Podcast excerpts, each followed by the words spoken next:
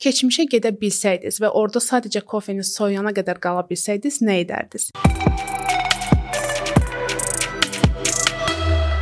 Hər kəsə salam. Ümid edirəm ki, yaxşısınız, hər şey qaydasındadır. Mən Aytaç, sizin tanıdığınız Aytaç blog Sinkersazın kitab danışıq rubrikasında oxuduğum maraqlı kitablardan danışacağam. Bu gün danışacağım kitab əminəm ki, çoxunuzun diqqətini çəkəcək. Mən elə videoya kitabın ilk cümləsi ilə başlamaq istəyirəm, hansı ki, mənə kitabı aldıran məhz bu cümlə oldu. Keçmişə gedə bilsəydiniz və orada sadəcə kofeniz soyuyana qədər qala bilsəydiniz, nə edərdiniz? Və hətta mən istəyərdim ki, siz kitaba başlamamışdan öncə bu sualı cavablayın və bitirəndən gedəndən sonra bir daha bu haqqda düşünün. Bir kafe düşünün, hansı ki bu kafe bir stulu ilə məşhurlaşıb və siz bu stula oturaraq istədiyiniz zamana, keçmişə və ya gələcəyə səyahət edə bilərsiniz. Amma əlbəttə ki, həyatda heç nə asan deyil və bunun üçün də siz bir neçə şərti qəbul etməlisiniz, razılaşmalısınız. Bu gün haqqında danışacağım kitab müasir Yapon ədəbiyyatındandır və ilk dəfədir mən bu ədəbiyyatdan oxudum.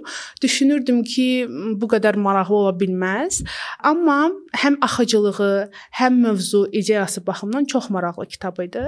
Tokionun ara küçələrinin birində Funiculi Funicula adlı bir kafe var. Bu kafe çox qədimi kafedir. 1874-cü ildə açılıb, 140 ildən çoxdur ki, fəaliyyət göstərir və başdan ayağa antik əşyalarla, aksesuarlarla doludur. Divarda 3 saat var. Biri keçmişi, biri indiki anı, biri gələcəyi göstərir və onlar da hamısı antik əşyalardır və bu əfsanə yayılır şəhərdə. Çoxsu inanır, çoxsu inanmır. Hətta inanıb bura gəlib yoxlamaq istəyənlər olur, amma şərtləri görüb razılaşmayanlar da olur və bu kafeni illərdir eyni nəslin nümayəndələri idarə edir və ancaq sizi bir qadın göndərə bilər keçmişə və yaxud da gələcəyə. Burdakı obrazlardan danışmaq istəyirəm. İlk kitabda 4 obrazın həyatını oxuyuruq. Birincisi Fumikodur, hansı ki o sevgilisindən evlilik təklifi gözlədiyi anda bir anda tərk edilir. Bunun səbəbini aydınlaşdırmaq istəyir, ona görə keçmişə getmək istəyir. İkincisi ər arvadın hekayəsidir, hansı ki ər Alzheimer xəstəsidir və öz həyat yoldaşını ona baxan tibb bacısı zənn edir. Üçüncüsü iki bacının hekayəsidir və bu ən çox bu mənə təsir eləmişdi oxuyanda. Bu iki bacı uzun illərdir görüşmür və böyük bacı keçmişə gedib bacısı ilə görüşmək istəyir və dördüncüsü bunu da çox sevmişdim. Kafedə işləyən hamilə qadın hekayəsidir. Bu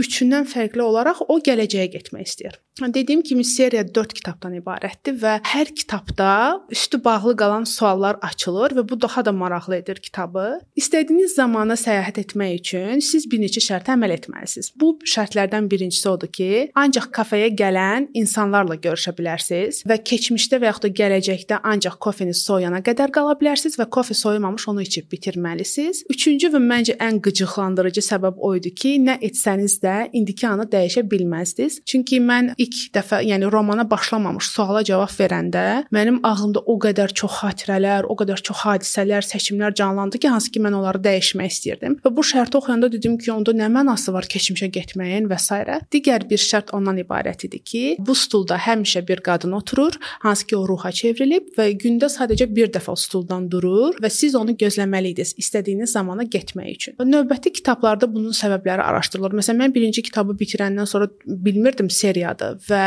mənə sual altında qaldı ki, niyə o qadın ruha çevrilib və ya niyə orada oturur, niyə həmişə romanlar oxuyur və s. Növbəti kitablarda bu sizin üçün açılacaq və bu kitabları sırf bu xüsusiyyəti daha da maraqlı edir. Bu obrazlara baxanda ortaq cəhət kimi onu gördüm ki, hamısında bir peşmançılıq, hamısında bir kaşki, bir ikinci şans, bir gecikmək var və doğrudan da onu başa düşdüm ki, bitirəndən sonra biz nə qədər də keçmişə gedib nəyisə dəyişmək istəsək, nə qədər də gələcəyə gedib nəyisə öyrənmək istəsək, indiki anda bu bizə çox da böyük əhəmiyyətli təsir etmir. Yəni həyatda hər şey müəyyən bir ardıcıllıqla, müəyyən bir sıra ilə baş verir verir və indiki versiyanıza gəlmək üçün bu yox, başqa addımı da atsanız, yenə də həyatınız bu cürünə davam edəcəkdir. Bu baxımdan mənə çox şey qatmış bir kitabdır və əminəm ki, sizə də qatacaq və siz də bundan çox böyük nəticələr çıxardacaqsınız. Ümid edirəm ki, video sizin xoşunuza gəldi. Kitaba qarşı sizdə bir maraq oyada bildim. Əgər bu kitabı oxumusunuzsa, fikrinizi bizimlə şərhlərdə bölüşməyi unutmayın. Növbəti videolarda görüşərik.